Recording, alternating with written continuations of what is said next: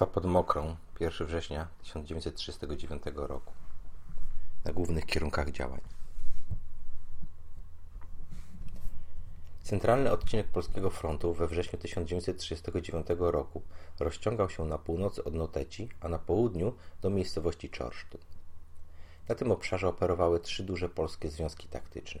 Armia Poznań pod dowództwem generała Kutrzeby, Armia Łódź pod dowództwem generała Rumla i Armia Kraków pod dowództwem generała Szylinga. Przedmiotem naszego zainteresowania będzie Centralna Armia Łódź. Zgodnie z planem mobilizacyjnym w jej skład miały wejść cztery dywizje piechoty, to jest druga dywizja piechoty Legionów, 18, 28 i 30 dywizja piechoty, dwie brygady kawalerii, Kresowa i Wołyńska oraz Sieradzka Brygada Obrony Narodowej.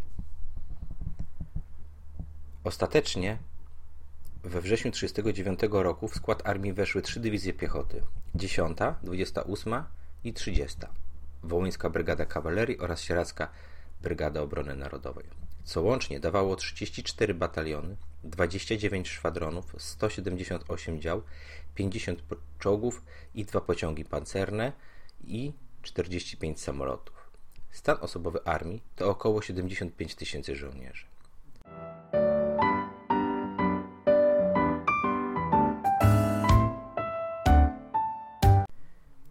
Siły te broniły odcinka o długości około 100 km. Armię Łódź na południu flankowała Armia Kraków. E, siły te zostały zaatakowane przez grupę Armii Południe pod dowództwem Ericha von Mansteina. W centrum grupy Armii Południe nacierała 10 Armia w pasie od Tarnowskich Gór do Wielunia. Armia ta siłami 16 Korpusu Pancernego i 11 Korpusu Armijnego nacierała w kierunku północnym na Radomsko pomiędzy Częstochową i Wieluniem. Obszar ten, leżący na styku armii Łódź i Kraków, broniony był przez nieliczne siły, to jest 7 Dywizję Piechoty w Częstochowie i grupę operacyjną Piotrków. Na centralnym kierunku natarcia 10 Armii leżała Częstochowa. Nacierał tutaj czwarty korpus armijny generała piechoty Wiktora von Schedlera, w skład której wchodziła 4 i 46 Dywizja Piechoty kierunku południowym nacierał 15 Korpus Zmotoryzowany generała piechoty Hermana Hotcha. Skrzydła 10 Armii flankowane były przez 8 i 14 Armię. Pierwsza z nich, to jest 8 Armia działająca na lewym skrzydle, nacierała na Sierac. Druga, to jest 14 Armia, pod dowództwem generała pułkownika Wilhelma Lista, działająca na prawym skrzydle, uderzała ze Słowacji i Górnego Śląska na Kraków. Wynika z tego, że już 1 września 1939 roku armie polskie zostały zaatakowane w całych pasach obrony. Na armię Łódź uderzyły główne siły 8 Armii generała Johannesa von Blaskowica w sile czterech dywizji piechoty i dwóch dywizji pancernych z 10 Armii, natomiast na armię Kraków uderzyły siły główne 10 i 14 Armii.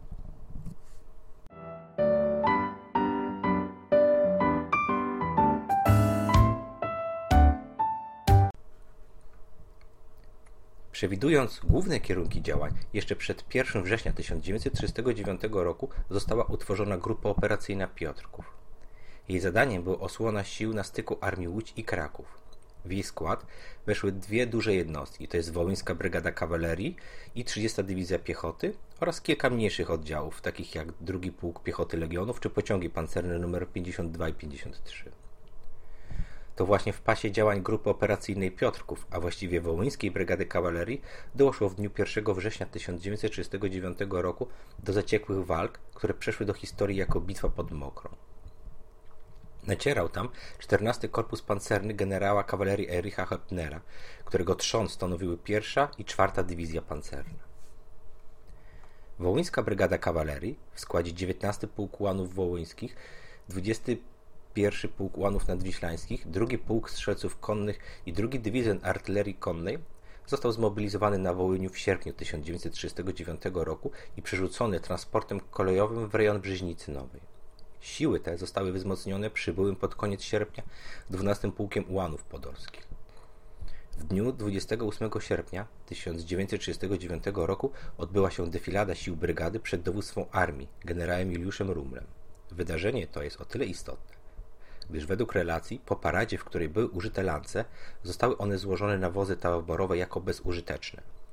Tak podaje szacherski e, w swoim dziele Wierni Przysiędze. Stoi to jednak w sprzeczności z innymi relacjami z epoki. Wpisuje się także w nurt wielkiej dyskusji na temat używania lans ułańskich w boju w czasie kampanii wrześniowej.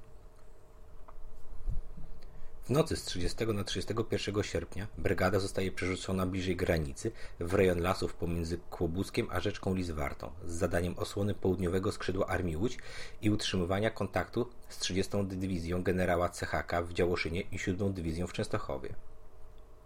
Łącznie siły Wołyńskiej Brygady Kawalerii w chwili starcia liczyły około 7,5 tysiąca żołnierzy, z tego 6,5 tysiąca w oddziałach walczących, 22 tankietki, z których tylko 3 były uzbrojone w działa 37 mm, artylerii polowej 75 mm. Na czele tych sił stał pułkownik dyplomowany Julian Filipowicz. Na pozycję pod Mokrą nacierała czwarta dywizja pancerna, której trzon stanowiły dwa pułki pancerne. Lecz z tych sił zaledwie 12 czołgów uzbrojonych było w działa. Reszta, to jest około 300 wozów, uzbrojona była w karabiny maszynowe. Na prawym skrzydle atakował 35. E, Panzerregiment bez wsparcia piechoty, a na lewym 36. Panzerregiment ze wsparciem sił 12 Pułku Grenadierów liczącego łącznie 2200 żołnierzy. Wsparcia napastnikom udzieliła artyleria dywizyjna w sile czterech baterii haubic 105 mm. Pozostała część dywizji, to jest piechota, artyleria, bataliony Pepans i rozpoznawcze, utknęły w zatorach po przekroczeniu Lizwarty i nie wzięły udziału w bitwie.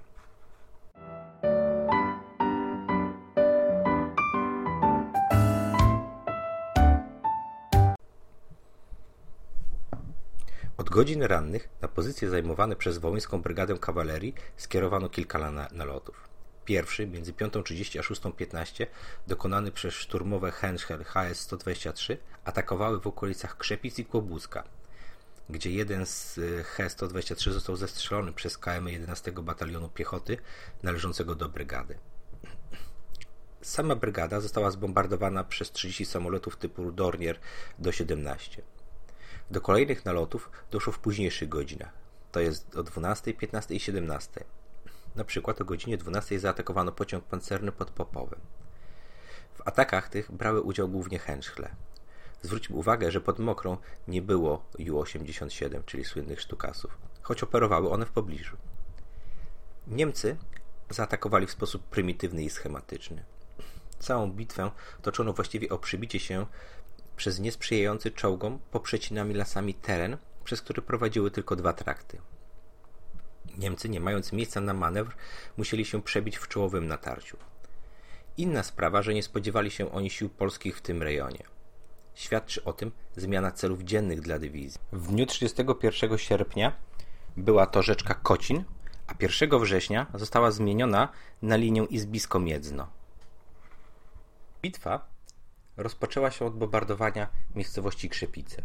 Z miejscowości tej rusza tłum uchodźców w stronę polskich pozycji polskiej historiografii dominuje pogląd, że pod osłoną owych polskich tłumów Niemcy posuwali się do przodu. W niemieckiej wskazuje się na kurtuazję, jaką miało być przepuszczenie uchodźców. Jakby nie było, kolumny czołgów nacierają na nasze pozycje. Za Opatowem, na wzgórzu 268, do Niemców otwierają ogień ułani 21 Pułku, a dokładnie jego czwarty szwadron, który ogniem z działu Pepan zniszczył podobno 10 czołgów. Około godziny 10 rusza kolejne natarcie, w którym wzięło udział około 30 czołgów. Polacy wycofują się ze wzgórza 268, które bardzo ciężko bronić, natomiast Niemcy uderzają na nowe pozycje czwartego szwadronu. Jednak ten, wsparty ogniem e, pociągu pancernego 53 Śmiały, który był uzbrojony w dwie haubice 100 mm i dwie armaty 75 mm, to trzymał im pola. Od godzin rannych do godziny 12 trwa walka pomiędzy czołowymi oddziałami obydwu stron i do tej godziny napastnikom nie udało się odnieść sukcesu. Ponieśli spore straty, tracąc kilka wozów bojowych. Po oczyszczeniu przedpola pod Mokrą około godziny 12 oddziały niemieckie wyprowadziły natarcie zakończone niepowodzeniem. Czołgi przeciwnika zostały spędzone z pola przez polską obronę Pepance. Niemcy przeorganizowali swoje siły i około godziny 13 rozpoczęli natarcie. Pierwszy batalion 36 Pułku Pancernego po rozpoznaniu bojem został przeniesiony na północ. Jego miejsce zajął drugi batalion, który związał z walką 21 Pułk Ułanów i zabezpieczył rejon Opatowa. Do ataku przystąpił też 35 Pułk Pancerny, który operując na, południe, na południu e, uderzył czołowo wzdłuż drogi wiodącej na Polanę Mokra. Walka, która się wywiązała, trwała bez przerwy przez następne 3-4 godziny. Pierwszy batalion 35 Pułku Pancernego zaatakował oddziały polskie w miejscowości Mokra 3, a następnie Mokra 2. Czołgi wchodziły na Polanę Mokra kompaniami, kierując się na wschód wzdłuż Mokrej 3, zakręcając stopniowo na północ, starając się okrążyć obronę polską w zachodniej części Lasu, Lasu Grodzickiego, trzymanego przez 21 Pułk Ułanów i Mokrą 2, bronioną przez 12 Pułk Ułanów. Z dostępnych materiałów wynika, iż walka była prowadzona w sposób ciągły, bez przerywania ognia. Niemcy manewrowali plutonami, część czołgów wycofała się, by uzupełnić amunicję lub na drobne naprawy. Następnie wracali do walki. Wszystko wskazuje na to, że ruchy te były interpretowane przez polskich oficerów jako wycofywanie się. Z analizy wynika, iż Niemcy po wdarciu się na Polanę nie opuścili jej ani razu. Tym miejscu należy się zatrzymać i zwrócić uwagę na trzeci szwadron 12 Pułku Rotmistrza Hallaka z 21 Pułku Ułanów, o którym to szwadronie Kosztulski pisał Idą jak na manewrach, szable i lance w dłoniach. Te lance, które miały być złożone w taborach. Jeden z niemieckich pancerniaków, który brał udział w tym starciu, pisał: Szable uniesione, lance mocno przyłożone. Do tego starcia doszło najprawdopodobniej między godziną 12 a 13. Około godziny 12-12.15 miał miejsce nalot eskadry HS-123 na pozycję 21 Pułku Ułanów, tuż przed atakiem Pułku Pancernego. Natarcie tego pułku 35 ruszyło około godziny 13 i prowadzono je na oślep, w dym zwiewany na południe. To właśnie w tym dymie doszło do spotkania trzeciego szwadronu z niemieckimi pancerami. Kosztulski pisał Nagle Pluton zderza się z grupą kilkudziesięciu czołgów, nagle wyłaniającą się z dymu. Z dymu wzniesionego przez nalot. Po krótkiej wymianie ognia trzeci szwadron poszedł w rozsypkę. Reszta szwadronu broniła się w zabudowaniach Mokrej 2. Niemcy, przełamawszy obronę czwartego szwadronu 21 Pułku Łanów, z łatwością wbili się do Mokrej 3 i rozpoczęli skoordynowany atak na siły główne w Mokrej 2. W tym też czasie, w północnej części lasu, lasu Niemcy posunęli się do przodu traktem nieobsadzonym przez Polaków. Drogą tą maszerowała najpewniej kompania drugiego batalionu 36 Panzerdywizjon oraz kompania piechoty 12 Pułku Grenadierów. Oddziały te nie odegrały roli w bitwie, ale bardzo utrudniły polskim oddziałom manewrowanie. Około godziny 15 został prawie całkowicie wybity trzeci szwadron 21 Pułku Łanów. Polska obrona została zepchnięta. W tym też czasie na północne zgrupowanie wojsk niemieckich stanęło obozem na przejściu kolejowym w celu uzupełnienia paliwa. Wtedy na przejazd kolejowy wjechał pociąg pancerny 53 Śmiały i z minimalnej odległości rozpoczął morderczy, morderczy ostrzał. Oddziały niemieckie wpadły w panikę. Część z nich rzuciła się do ucieczki, jednak część pozostała i podjęła walkę. Gdy pluton niemiecki saperów wysadził tory, Śmiały musiał się wycofać. Tymczasem wołyńska brygada kawalerii też się wycofywała, zajmując pozycję obronną wzdłuż wału kolejowego. Wehrmacht, prowadząc natarcie tylko siłami pancernymi, nie mógł pokonać tej przeszkody. Wycofano się więc do Mokrych, kierując jednocześnie ostrzał 12 haubic na pozycje polskie. W tym też czasie dokonano przynajmniej dwóch nalotów na pozycję brygady. Ostatecznie do odwrotu siły polskie zostały zmuszone przez 36 Pułk Pancerny, który zaczął flankować jej pozycję. Filipowicz około godziny 16 rzucił do ataku deon pancerny, chcąc odwrócić uwagę od odwrotu sił głównych. Tymczasem około godziny 17 jeden z plutonów 35 Pułku Pancernego boczną drogą do Kołaczkowic obszedł lewe skrzydło brygady, informując jednocześnie siły główne o odejściu Polaków. Trudniejsza była sytuacja na północnym skrzydle, gdzie nacierał 12 Pułk Piechoty. Siły te napotkały szwadron 19 Pułku Łanów, z którymi wdały się w chaotyczne potyczki. Niemcy powoli zyskiwali nad Polakami przewagę. Łani zwinęli obronę i wycofali się z lasu grodziskiego w ciągłych potyczkach. Około godziny 19 niemiecka piechota zajęła Izbiska, a o godzinie 20 niemieckie czołgi weszły do Miedzna. Wraz z zapadającą ciemnością bitwa zaczęła wygasać.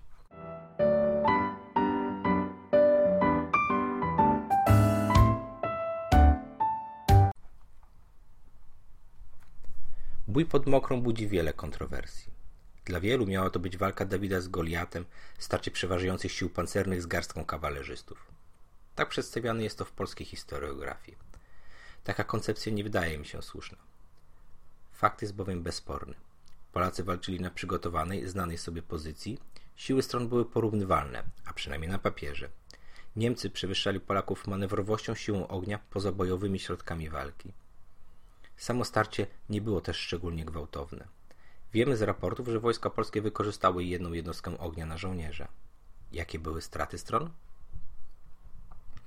Ciężko dziś precyzyjnie ustalić. Wydaje się, że w dużej mierze zależy to od fantazji piszącego. Wydaje się, że straty niemieckie w ludziach w wojskach pancernych to 22 zabitych i 27 rannych.